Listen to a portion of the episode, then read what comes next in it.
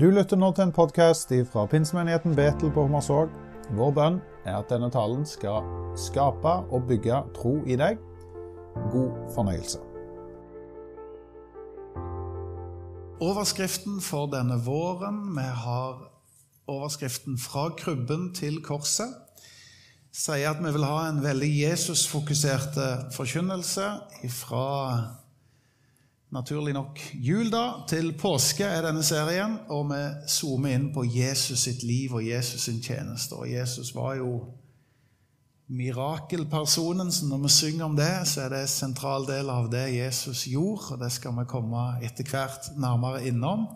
Akkurat nå for tida så ser vi på det som handler om Jesus sin lære. Jesus ble jo kalt en rabbi, en læremester, og hans lære den har fascinert både troende, men òg ikke-troende nå i 2000 år. Og vi skal bore litt i dette med Jesus sin lære. Vi begynte på en tale sist gang som heter Bergprekenen. Skal gå videre på den i dag. Men sånn by the way, i Matteus evangeliet så holder Jesus fem taler. Og Dette er den første, altså Bergprekenen. Og Så kommer du til kapittel 10, så holder Jesus sin andre tale. Da sender han ut tolv apostler. Og Så kommer du til kapittel 13. Da holder Jesus sin tredje tale. Det er en tale om lignelser. Eh, og Jesus talte jo ofte sånne illustrerte fortellinger, lignelser. Og de fleste av dem faktisk, de forklarte han aldri. Han bare fortalte de, og så skulle folk eh, undres og grubles. Og så var det ved noen få anledninger at han forklarte. Så to lignelser forklarer han. Den ene av de han er en nøkkellignelse. Det er lignelsen om såmannen. Hvis du skjønner den lignelsen der, så er det akkurat som du vil skjønne resten òg. Eh, så det er en sånn nøkkellignelse. I kapittel 13 så er det altså den tredje talen til Jesus, masse lignelser. Så kommer du til kapittel 18. Da snakker Jesus eh, sin fjerde tale om forskjellige sånne disippelrelasjoner, om hvem som er den største de er opptatt av. Og Jesus snakker om at du må bli som et lite barn for å komme inn i Guds rike. Og Så kommer du til den femte og den siste talen, som er fra kapittel 24. og Der er det litt flere lignelser, pluss at Jesus tar tak i det som handler om endens tid. Så det er altså fem taler i Matteus evangeliet, men den lengste og den mest kjente den heter Bergpreken, og den går over tre kapitler, fra kapittel 5 til kapittel 7. Og Sist gang så rakk vi å ta for oss innledningen, dvs. Si de første 15-ish versene, der Jesus zoomer inn på det å være salig. Og Nå skal vi ikke ta den talen på ny, den fins på podkast og på nett, men eh, bare for å dra linjene så er det som om Jesus snur opp ned på alt når han kommer inn, og så sier han 'den som virkelig er lykkelig', eller salig, da det er ikke nødvendigvis den som er en lykkejeger her i livet, og som har suksess, og som tilsynelatende får alt til. Fordi at ofte så kan problemet være at du ser bare det kortsiktige her og nå-perspektivet. Og så sier Jesus hvis du virkelig skal være salig, så skjønner du at det er noe som er forbi denne tida her. Så selv om du sørger, selv om du hungrer, selv om du tørster, selv om du møter all slags utfordringer, en skulle egentlig si kondolere, så sier Jesus gratulerer. Du har eh, skjønt noe og fått tak i noe som er viktigere enn bare den tida som er her og nå. Og så går han mot en slags avslutning på innledningen og bygger en bro inn til det som han skal tale om. og Da snakket vi sist gang om at han snakker om oss som etterfølgerne hans som lys og salt. Og eh, salt er Jeg spiste pommes frites i går. Pommes frites uten salt, det er, det er, ikke det samme, for å si det sånn. Du må ha noe som setter smak på det, eller ta en maiskolbe da. Det er liksom ikke det samme uten saltet. Du setter smak på ting, på tilværelsen. Og salt har jo det i seg òg at det, det er en sånn bindemiddel. I, jeg mener I kjøttindustrien det er ganske sentralt. Det å binde sammen. Og Jesus bruker det som et bilde og sier at vi som hans folk vi skal være sånne som er lys, som er salt, som binder sammen. Når det smuldrer opp og råtner i samfunnet, så skal vi binde sammen. Og vi skal sette smak på denne verden her. Og Så tar han da videre læren inn og begynner å snakke om hvordan ser dette ut når vi som troende faktisk setter smak på verden, når vi tar tak i Jesus sin undervisning og lever den ut som lys og salt. Så nå skal vi prøve å bli ganske konkret i forhold til det Jesus nå trør inn i. Se for deg at Jesus er som en jeg brukte bildet sist gang òg, som en ny trener som kom inn i et fotballag. Eh, og I denne fotballaget så har de eh, hørt og lært om en filosofi og en spillemåte og en tankegang. Men så kommer Jesus og så sier han, dere har hørt det sagt, men jeg sier dere. Dere har hørt det på én måte før. Det er det dere har som oppfatning. Men nå vil jeg utvide tanken deres, perspektivet deres, så dere kan se ting på en ny måte. Og Det er det Jesus nå skal ta tak i i eh, de neste kapitlene. Vi har ambisjon om å gå gjennom hele kapittel 5, kanskje til og med litt i kapittel 6. Vi får se hvor langt det rekker. Jeg har sett på klokka, så jeg skal legge blikket innimellom og se hvor langt vi rekker.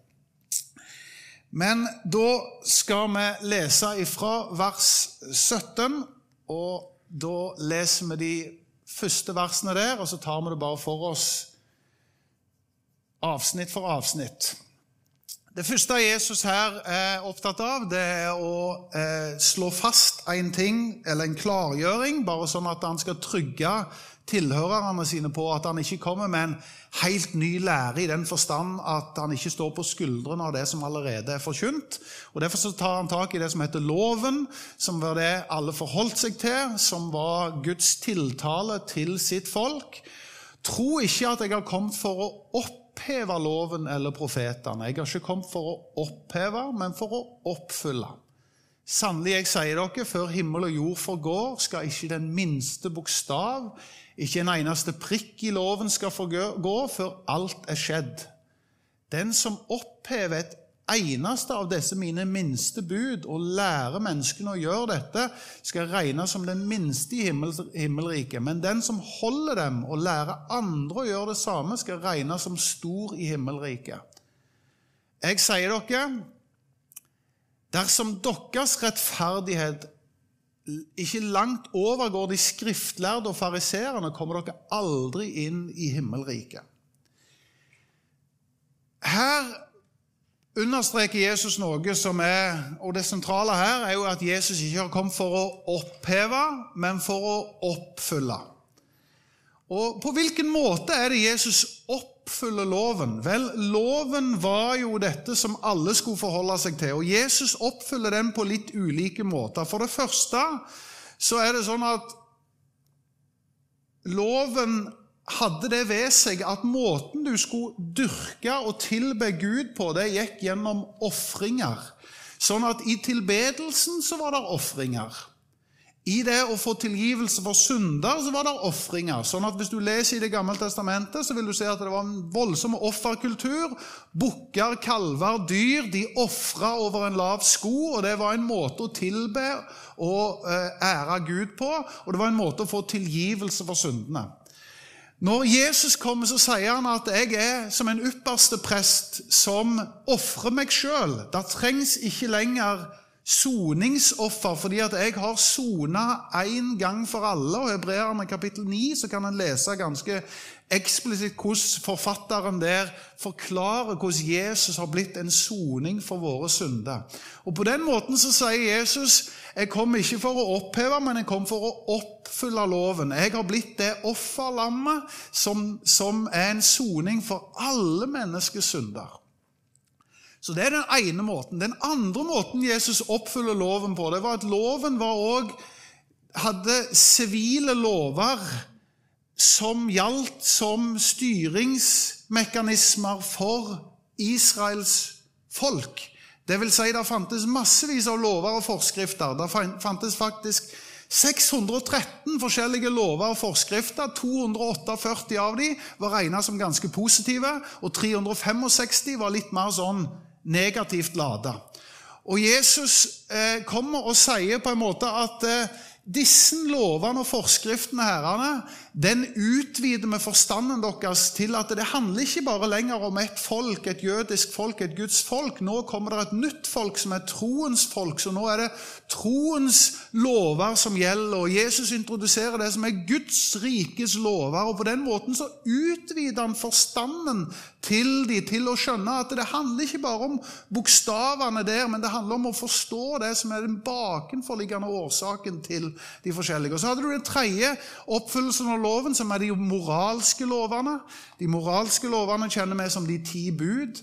Og Det er jo noen evige lover og evige prinsipper, men Jesus er opptatt av at vi ikke bare skal skjønne bokstaven og kjekk, jeg har gjort det rette, jeg har vært flink pike, flink gutt, men du skal stå hjertet bak det og holdningene bak handlingene. Men Jesus kommer for å understreke. Jeg setter ikke strek over det, men jeg kom for å oppfylle det. Og Det hadde etablert seg en litt sånn forståelse i den jødiske kulturen at det var noen lover som var verdt å verne om, og så var det andre som var litt mindre viktige. Og Jesus sier ikke den minste tøddel skal forgå. Altså ikke den minste. I det hebraiske alfabetet så er det små og store bokstaver. Det er tødler som på en måte er prikker over forskjellige ord. Og Jesus prøver å fortelle at bare du endrer litt, så endrer alt betydning. For sånn er språket bygd opp. Endrer du litt, så endres alt. Men Jesus sier nå skal dere skjønne hva som er egentlig hensikten bak disse forskjellige lovene. Og Så begynner han å bore i disse forskjellige lovene, og han tar spesielt tak i de moralske lovene. Så når han nå underviser videre, så er det de ti bud som er utgangspunktet, og deres oppfatning av de ti bud. Og så sier han dere har hørt det sagt, men jeg sier dere. Altså Han prøver å finne Si at det er noe som ligger bak det å bare skjønne og gjøre det rette. Og nå skal vi se litt hva det er. Og Da kommer vi til det første, som handler om drap. Dere har hørt det sagt. Legg merke til han sier her at dere har hørt det sagt. Han sier ikke 'dere har lest det skrevet'. og Det er jo sannsynligvis fordi at når han henvender seg til folk, så er det jo en gjeng med analfabeter som ikke kan lese. Sånn at de har bare hørt det de skriftlærde og det fariseerne har sagt. De, har, de skriftlærde fariseerne har fortalt dem om loven, og de har lagt sin forståelse og betydning av det. Og så sier Jesus, 'Dere har hørt det sagt, men jeg sier dere.' Dere har hørt det sagt, 'Du skal ikke slå i hjel. Og det er jo et, et, av disse budene, et av disse ti bud som er bra. Den som slår i hæl, skal være skyldig for domstolen. I hver by så var det syv dommere som kunne, hvis du gjorde noe galt, så kunne du få saken din inn for dommeren, og dommeren skulle avgjøre om du nå hadde brutt loven. Men jeg sier dere, den som blir sint på sin bror, skal være skyldig for domstolen.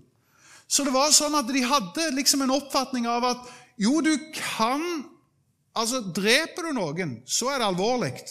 Men om du er uforsonlig, om du er sinte, om du er en vrangpeis, om du gjør livet kjipt for folk, det er ikke så viktig. Fordi at du må skjønne at det er det å drepe som er gale. Og så sier Jesus dere har hørt det sagt, men jeg sier dere. Det starter lenge før drap, for å si det sånn. De fleste av oss kan jo trykke check på lista og si at ja, jeg har jo aldri drept noen. Kanskje du har drept ei flue eller en eller annen eh, ting som er litt mindre viktig. Men å drepe et menneske, der tror jeg de fleste av oss kommer greit unna. Og vi kan si 'kjekk, det har jeg klart. Men så sier Jesus hvis dere virkelig skjønner hva denne loven handler om, så starter det med at vi ikke forakter vår neste. At vi ikke er sinte. At vi ikke er ufine. At vi ikke er uforsonlige. Her står det den som blir sint på sin bror, skal være skyldig for domstolen. Og den som sier til sin bror 'din idiot', skal være skyldig for det høye råd. Det høye råd det var, det, det var på en måte høyesterett. Det var 71 dommere som, som, satt over en region og kunne bestemme hvis noe var virkelig gale. Hvis de syv dommerne i byen ikke hadde funnet ut av det, så var liksom det høye råd det var de mektige menn som virkelig kunne dømme om det som er rett og galt. Og Da sier Jesus Altså, din ugudelige narr eller din idiot skal være skyldig til helvetes ild. Oi, oi, oi. Her er det altså Jesus sier at folkens, ikke senk lista. Ikke la det være sånn at når du leser loven, og så legger du lista der, så kommer Jesus og sier nei, Legg lista enda høyere. Og det, Da skjønner vi jo at vi kommer til å rive noen av enhver her. Det, det, er godt at det er et budskap om nåde etter hvert, men, men, Jesus prøver altså nå å sette standarden og si om du bærer offergaven din fram til alteret, og kommer og der kommer til å tenke på at din bror har noe imot deg, så la gaven ligge foran alteret og gå først og forlik deg med din bror. Altså ikke bare være prektige framfor Gud, men hvis det er noe som er uoppgjort med mennesket, så sørg for å gjøre opp. Så kan du bære fram din offergave. Skynd deg å komme overens med motparten din mens du ennå er sammen med ham på veien.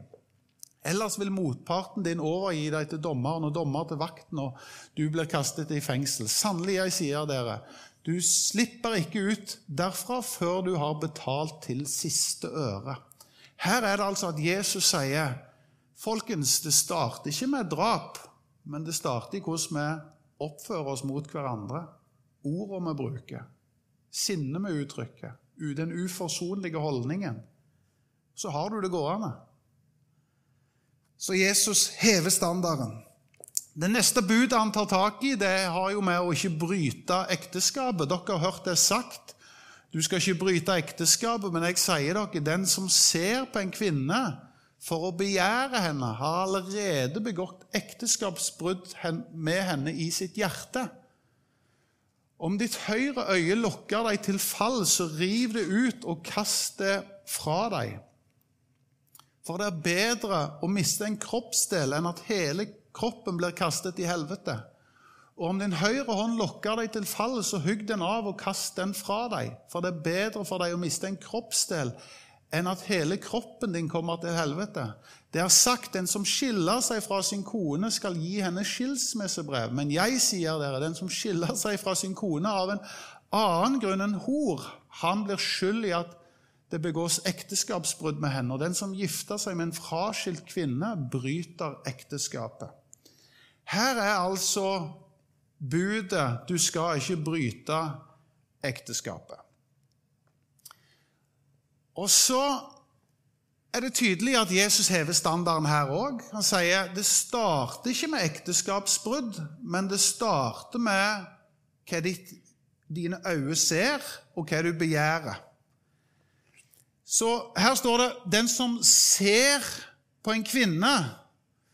Eh, det er jo ikke sånn at vi ikke kan se på hverandre. Det må jo være mulig å se på hverandre. Men her står det 'hvis du driver og trakter etter noe som ikke er ditt' eh, Hvis du driver og jakter og jager og begjærer noe som ikke er ditt, da har allerede ekteskapsbruddet begynt i hjertet. Så Jesus prøver å si det er ikke sånn at det plutselig bare skjer. Det starter på et eller annet sted, og allerede der så er vi på gyngende grunn. Og Så hadde det etablert seg på den tida i Israel litt forskjellige lærer om hvordan du skal forstå loven når det gjaldt dette med ekteskapsbrudd. Fordi at På den ene sida var det en ytterkant som sa at eh, det er kun hor, altså kun utroskap, som er en gyldig grunn til skilsmisse. Mens på den andre sida så var det en eh, Hillel Jeg husker ikke hva han het, men det var en læremester som hadde sånn at den læren sto mer for at eh, eh, For femte Mosebok så står det noe at hvis, hvis eh, Nå skal jeg bare få det riktig, så jeg ikke sier det feil her. Eh, femte Mosebok så står det hvis det byr deg imot, så var det greit nok med skilsmisse. Altså hvis hun byr deg imot, og Da kunne de tolke det dit at hvis du ikke likte utseendet hennes lenger, så var det greit nok å skille seg. Eller, hvis, eller et annet eksempel som leses i bibelkommentarene hvis du svidde maten, så var, det så var det grunn nok til å skille seg. Og jeg bare tenker, Hvis det er grunn nok til å skille seg, at du svir litt i maten, eller at du så noen som var litt finere, så har du en ytterpunktene herrene. Og Det var altså forskjellige tolkninger, og på den tida hadde det etablert seg ganske vanlig med skilsmisse. På, på Jesus sin tid her, så var det bare fordi at Moseloven sa hvis du bare gir skilsmissebrev, så er det greit. Sånn at hvis du skrev ut et formelt brev, så var du fri. Og nå var det greit. Så nå er det greit, nå kan vi skille oss over en lav sko, herrene. Og så sier Jesus noe om at han tar ikke de liberale sitt parti, men han tar egentlig de konservative sitt parti. Så sier han at uh, det er egentlig den sida det er meint til, at det du har inngått, det skal du stå ved. Det er egentlig ikke sånn at det er en Kall det en utvei i den forstand at, at eh, Ekteskapet skal ikke brytes. Og så står det jo her da at eh, med våre sentrale kroppsdeler som øya, f.eks., med våre sentrale kroppsdeler som hendene, høyrehånda som skriver og som arbeider Hvis den gjør noe galt, så hogger han heller av. Og nå er jo klart, nå er Jesus dramatiske. Og jeg tror eh, Det er ingen bibelkommentarer jeg har lest som sier at det er bokstavelig. Dette skal forstås bokstavelig. Jesus taler ofte i bildespråk. så det er jo ikke sånn at Hvis du gjør noe galt med høyrehånden eller med øyet ditt, begjærer noen, så river jeg det ut, og så får jeg lov å gå rundt og være enøyd. Dette er en illustrasjon som forteller noe om at eh, ta ikke lett på synden. La det ikke være sånn at det er lettvint å bryte Guds bud. Det er bedre om vi mangler en kroppsdel og kunne vært sunnfrie, enn om vi skal gå rundt og bruke kroppsdelene våre til noe som er mot Guds vilje. Og igjen så er det jo sånn at Poenget til Jesus herrene er jo egentlig å heve standarden. Og nå, Vi burde jo hatt et budskap om nåde, fordi at med en gang herrene, så vil vi jo skjønne at eh, jo, men det har gått galt for meg, og uh, mitt ekteskap røyk, og jeg prøvde så godt jeg kunne. og Heldigvis er Bibelen så mangfoldig at hvis du tar Jesus sin lære om nåde og nye start, så får du et mer komplett bilde. Men Jesus sitt poeng er jo dette. Hever du standarden, eller senker du standarden? Og Nå kan vi spørre oss sjøl hvordan har det vært de siste tiår i Norges land. Er det sånn at vi senke standarden for hva som er greit for å gå ifra hverandre, eller heve vi standarden? Jeg tror du vil være ganske enig med meg i at det har nesten blitt litt sånn hvis du svir maten. Eller hvis jeg ikke syns du er så fin lenger. Da er vi på den ytterpunkten som de, de tolker det til, og Jesus sier nei, da er du helt på gyngende grunn. Her er det egentlig sånn at eh, utroskap, og så står det om hor. Noen tolker dette òg at det ikke bare er du skal bryte ut av ekteskapet, men du skal ikke bryte inn i ekteskapet. Og Hva mener du med å bryte inn i ekteskapet? Det vil si gå inn i forhold som er ekteskapelige uten å velge forpliktelse. Og Det er jo her mange av oss vil prøve å veilede, selv om vi vet at det er motvind så veldig vanskelig i vår tid. Men f.eks. det som handler om seksuell aktivitet utenfor ekteskapet, det som Bibelen kaller for hor. Det er jo et mangfoldig ord, altså ekteskapelig aktivitet utenfor ekteskap, Nei, seksuell aktivitet utenfor ekteskapet. Hvorfor? Fordi noen kan tenke det høres veldig hardt ut at vi ikke liksom oppmuntrer til det. Det må jo være greit hvis det er at vi har gode følelser for hverandre og vil dele det mest intime. Nei, men det, kanskje det er det som er poenget. At seksualitet, nakenhet, nærhet, intimitet Det å dele det innerste og det fineste det er noen som har lyst altså Det er naturlig at en har lyst til å gjøre det, fordi at det fins et kjøtt og et begjær som gjør det. Men Jesus prøver å fortelle oss noe om at eh, hvis du ikke er klar til å forplikte deg, hvis du fortsatt vil være uforplikta, hvis du fortsatt du har lyst til å være nær kroppslig, men du har ikke lyst til å være nær personlig emosjonelt. Du vil si ja til å dele kropp og liv og intimitet, men du vil ikke dele liv. Du vil ha den der utveien av at kanskje det ikke blir oss som vi får se. Da sier Jesus at du trør egentlig inn i en feil rekkefølge i ting, herrene, fordi at dette er meint å være i beskyttende, gode rammer. Og Dette kan jo høres hardt ut for noen som står midt i det. for tenker, Er Jesus sånn at han liksom bare vil lage livet kjipt for folk? Nei, han vil beskytte folk. Han vil lage det greit for folk. Derfor så sier han noe om hvilken standard vi skal legge oss på i forhold til den seksuelle omgangen. Her er altså budet du skal ikke bryte ekteskapet, men jeg sier dere Det starter ofte lenge før det. Det neste han tar tak i, det er Dere har hørt det sagt til forfedrene du skal ikke sverge falskt.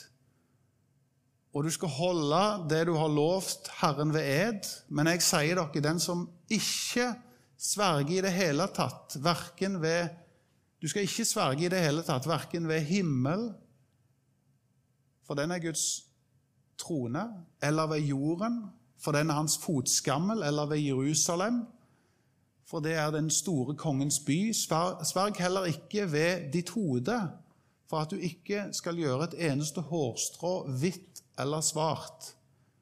La et ja være et ja og et nei være et nei. Alt som er mer enn det, er av det onde. Her er det tydelig at Jesus sier noe om kontrakter. Det å være en mann av, eller en kvinne av ditt ord. Det hadde etablert seg en praksis der de sverga over en lav sko, de sverga, i Guds navn, eller de sverga overfor hverandre. Men så betydde det ikke så mye når alt kom til alt. Det var liksom bare det som var skrevet under i skriftlig med signatur. Det var det som var en avtale. Og Så kommer Jesus og tar et oppgjør med det og sier la det ikke være sånn at du må signere noe for at du skal stå inne for det. La det være sånn at hvis du sier et ja, så er det et ja. Sier du nei, så er det et nei. Det er ikke et tja, et kanskje. Jeg får se om jeg har bedre options. Eh, vanligste i vår kultur som er en sosiale medier, det er 'maybe attending'. Vi får se om det dukker opp. Jeg må ha andre utveier for å se hvordan jeg kan, kan ende opp med Kanskje det dukker opp noe som er bedre. Nei, vær en mann eller en kvinne av ditt ord. Har du sagt ja til noe, så la det være et ja. La det ikke være sånn at folk skal måtte holde deg til ansvar for det du har skriftliggjort, men ditt ord er nok. Jesus hever standarden igjen. Vers 38. Dere har hørt det sagt øye for øye, tann for tann. Dette er jo Moseloven. Men jeg sier dere, sett dere ikke til motverge mot den som gjør ondt mot dere. Om noen slår deg på det høyre kinn, så vend det andre til. Vil noen saksøke deg og ta skjorten din, så la han få kappen din også. Om noen tvinger deg til å følge én mil, så gå to mil med han. Gi til den som ber deg, og vend ikke ryggen til den som vil låne av deg. Her er altså saken at Moseloven forteller oss noe om øye for øye, tann for tann. De fleste som hører det, vil tenke at hevn er ok. Du kan gjengjelde øye for øye, tann for tann. Når dette var en del av Moseloven, så var det egentlig en begrensende lov, fordi at det lå i naturen til folket at hvis noen gjorde noe galt mot deg, så gjorde du ti ganger verre tilbake igjen. Sant? Og Det er jo ikke så uvanlig når unger leker og slåss og sånne ting. Den ene begynner, og så blir det litt verre, og så blir det enda verre, og så tar det helt av. Sant? Kanskje til og med i et ekteskap kan det være sånn. Her sier Jesus øye for øye, tann for tann. Altså La det være begrensende. La det være sånn at ikke svar tilbake styggere enn det som du har blitt utsatt for. Det var loven. Så Jesus var begrensende i den forstand at øye for øye, tann for tann. Men så setter han en helt ny standard og sier noe om at eh, vi må tåle litt. La det være sånn at du ikke trenger å ta igjen. Svar heller med en annen mynt. Vel heller det andre kinnet til. Hvis noen sier 'gå én mil', så gå to mil. Og På den tida var det sånn at romerske borgere og romerske soldater de var kurere, som betyr at de, hvis de skulle, En ting var at de var soldater som skulle bære våpen fra A til B, eller så skulle de bære et budskap. Det var jo ikke verken Facebook eller, eller, eller vanlige postgang, så de var jo sånne som var kurerer, som bringte budskap. Og da var det en, I loven så tilsa det sånn at hvis en, en, romersk borger eller en soldat krevde deg til å gå én mil, ja, så måtte du gjøre det. Det var loven. Og en mil er ikke en mil som i norsk ei mil. Det var 1000 lange skritt, ca. halvannen kilometer. Det var ei mil. Så hvis noen sier Og det er noen som tenker oh, det var godt å høre, fordi at jeg, liksom, vil ikke gå ei mil og gå to mil. Det er jo fram og tilbake til Sandnes. Nei, jeg mener halvannen kilometer. Det er fullt overkommelig. Det er ned til butikken og opp igjen, eller ned til bryggen og opp igjen. Men, så, så, loven var den. Men så sier Jesus la det ikke være sånn at hvis de, For de kunne kreve at du skulle gå en mil. Men du sier ja, men da går vi heller to. Du trenger ikke si vende det andre kinnet til, for du kunne jo ta igjen med samme mynt. Øye for øye, tann for tann. Men Jesus lærer oss noe om at den nye standarden folkens, det er at vi er rause. Det er at vi ikke svarer med samme mynt. Det er at vi velger en annen vei det er at hvis noen sier 'Kan jeg få lov å låne?' Ah, kan du ikke bare ha den? Du kan jo teste det på kafé neste gang, f.eks. Kan jeg få låne 200 kroner til litt middag? Så jeg kan bare ha det. Kan du, sant? Så bare refererer du til hva som står i Bibelen. Det er greit å slå med bibelvers innimellom. Så du får viljen din. Og Så hadde det etablert seg en praksis med at de litt for lett drev og kjørte saker mot hverandre, og til og med innad i kristne forsamlinger. I første Korinterbrev skrives det litt ekstra om dette, der det står om at, eh, at eh, de saksøkte hverandre for småting, og så lot de dommere ut forbi den kristne forsamlingen for å avgjøre om ting var rett eller galt. Og så er det som om Jesus prøver å si til deg la, la, det nå være sånn at dere kan ordne opp i småting internt. Ikke la det være sånn at dere driver og kaster fram og tilbake, eller øye for øye, tann for tann, og bruker loven på denne måten. Forstå hjertet bak loven. Ikke bare liksom være sånne som trykker 'check', 'jeg har gjort det riktige', men forstå at det er en kjærlighetslov som ligger bak det. Og Der ligger det en raushet. Så Jesus var mind-blowing i deres tankegang, for de hadde låst seg til bokstaven. Og så sier Jesus hva er hjertet bak dette, her, folkens? Det er det at vi er rause med hverandre. Det er at vi går ei ekstra mil. Det er det at vi ikke driver og saksøker hverandre eller vranger og tværer, men vi ordner opp. Vi tilgir, og vi går videre. Her er det Jesus prøver å undervise disiplene sine. Dere har hørt det sagt du skal elske din neste og hate din fiende. Merk at det står 'du skal elske din neste'. Det står i kursiv. Og så står det 'hate din fiende'. Det står ikke i kursiv. For spørsmålet er jo hva er det som egentlig står i Bibelen her? Du skal elske din neste. Ja, det står i Det nye testamentet, men så er det en del av oss som vil tenke at oh, skulle ønske det var, kunne vært sånn at uh, Eh, det var litt enklere med Gammeltestamentet. fordi at, eh, Tenk om det heller kunne bare stå at vi kunne elske Gud og vår neste. Ja, men det er akkurat det som står i Gammeltestamentet. Tredje Mosebok, loven, sa at du skulle elske din neste. Så dette er ting som er henta fra Skriften. Jesus siterer Skriften og sier dere har hørt det sagt, du skal elske din neste. Det er fundamentert på loven. Å hate din fiende står ikke i kursiv. Hva betyr det? Det står ingen plass i loven at du skal hate din fiende. Men det hadde blitt en oppfatning blant folk at eh, jo, du skulle elske din neste, men for jødene så betydde det at du skulle elske din neste, altså din nabojøde, din bror. Men du kan hate alle andre. Det er helt greit. Så oppfatningen hadde etablert seg i folket at jo, du skal elske din neste, men det er lov å hate sin fiende. Men jeg sier dere, elsk deres fiender. Så Jesus kom inn med en revolusjonerende ny tanke og sier fiendekjærlighet er det nye normalen. Hvis dere virkelig vil skjønne hva loven står for, så skal du til og med elske din fiende. Og Hadde hatt tid til det, nå, nå, tror jeg ikke jeg skal bruke tid på det, men ganske mange plasser i Det nye testamentet så står det at Jesus faktisk velsigna sine fiender. Han ba for sine fiender. Han ga livet sitt for sine fiender. Så kan du tenke at Jesus fiender Vel, for Jesus var de ikke fiender, men de som forholdt seg til Jesus, så på Jesus som en fiende. Så de forholdt seg og tenkte Jesus, du er en fiende. Men hva gjorde Jesus i retur? Han ba for dem, han velsigna dem, han elska dem, han brydde seg om dem, han ga livet sitt for dem. Det er jo det han gjør på korset. Det er jo fiendene han ga seg for. Altså De som ikke ville ha, de som ville korsfeste han, de som ville snu ryggen til han, Det var de Jesus ofra seg for alle, men Jesus ga seg òg for dem. Hvilket forteller oss noe som er en helt ny standard for en troende. Det er ikke bare ikke bare være glad i de som er glad i deg. Det kan de fleste få til. Hvis du leser videre, så vil du se at eh, Jeg skal kan lese alt her. Anne.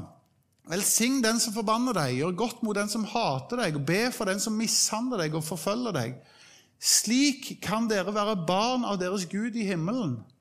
Og han lar sin sol gå ned over onde og gode, og lar det regne over rettferdige og urettferdige. Om dere elsker dem som elsker dere, er det noe å lønne seg for. Det gjør jo tollerne òg. De gjør akkurat det samme. Om dere hilser vennlig på deres egne, er det noe storarta? Gjør ikke hedningene det samme? Vær da fullkomne, slik deres himmelske Far er fullkommen. Jesus hever standarden. Og han sier ikke at jeg oppheve loven, men jeg oppfyller loven og forklarer intensjonen og tanken bak loven, sånn at dere skjønner at det er ikke bokstav. Det er ikke det å være firkanta og regelryttere, men det er å forstå hjertet bak det. Og hva er Jesus sitt hjerte? Det er at vi til og med elsker våre fiender. Og folkens, da skjønner vi at det er ikke lett å gjøre i egen kraft. Vi trenger en læremester, vi trenger et eksempel, vi trenger en som viser oss en vei. Vi trenger at Jesus, å være Jesus-fokuserte, så vi ser hva det betyr i praksis. Så loven er ikke bare ei slags syndeliste som tar for seg alt tenkelig og utenkelig. Nei, Jesus er opptatt av hjertet bak.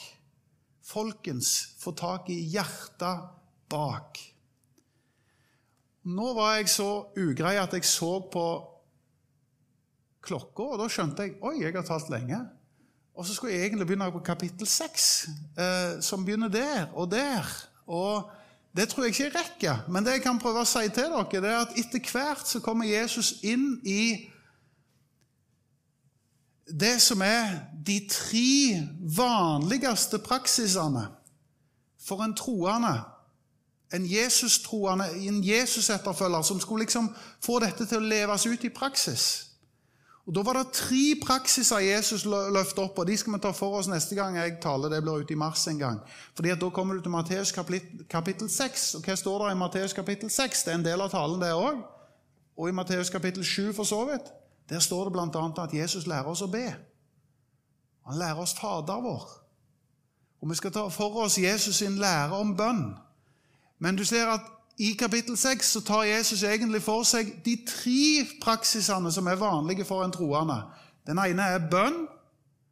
Og så vil sikkert mange av oss intuitivt tenke at den andre er Bibel. Nei, det var det ikke for de troende. For de første så var det sånn at de, de fleste kunne ikke lese og skrive. For andre så de den, hadde de ikke Bibelen sånn som vi har Bibelen i dag. Det gikk jo mange år før Bibelen ble ei bok sånn som vi kjenner den. De hadde lovtekstene, ja, men det var ikke Guds ord som var praksisen. Det var bønnen, og så var det fasten, og så var det almisser. Det var de tre tingene. Hvis du virkelig skulle leve ut troslivet i kristne praksiser, så var det be til Gud, faste og gi almisser. Det å gi almisser det betydde å gi av pengene du hadde. Det betydde av å bry seg om noen som trengte din hjelp, en utstrakt hånd.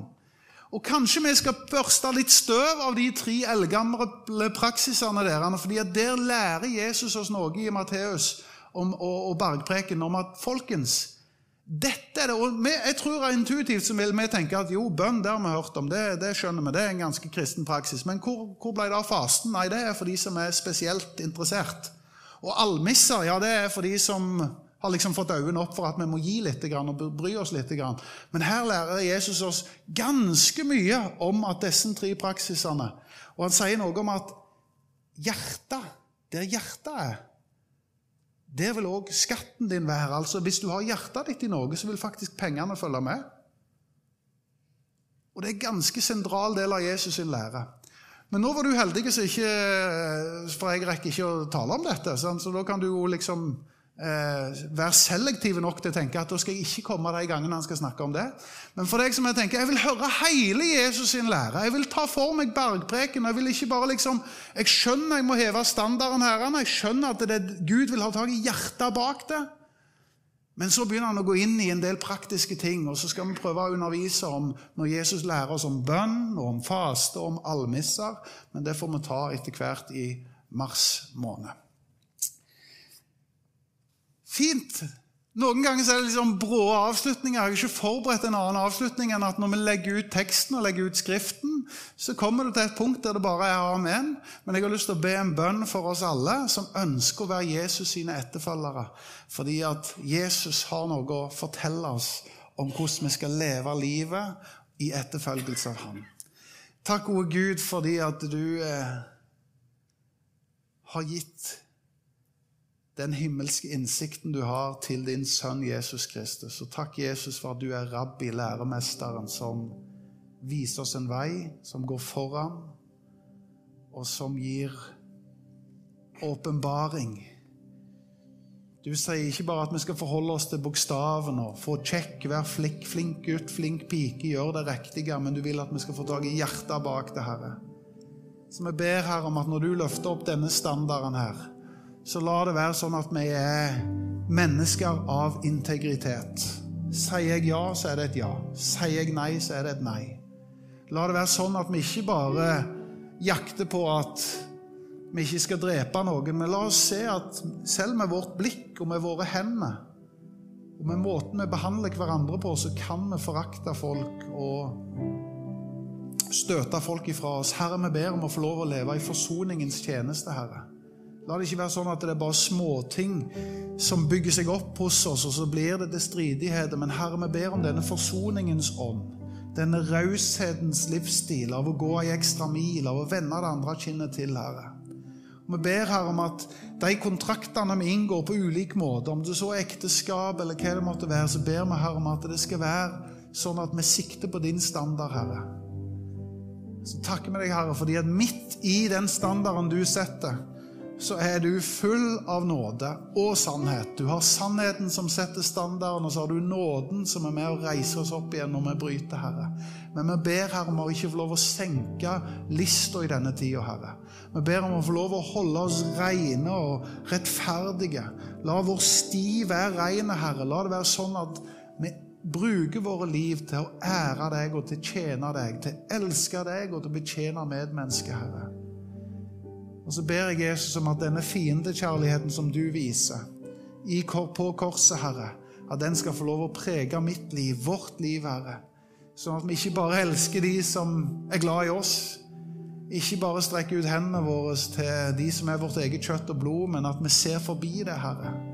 Og at vi klarer å være noe for medmennesket og som har noe imot oss, Herre, i Jesu navn.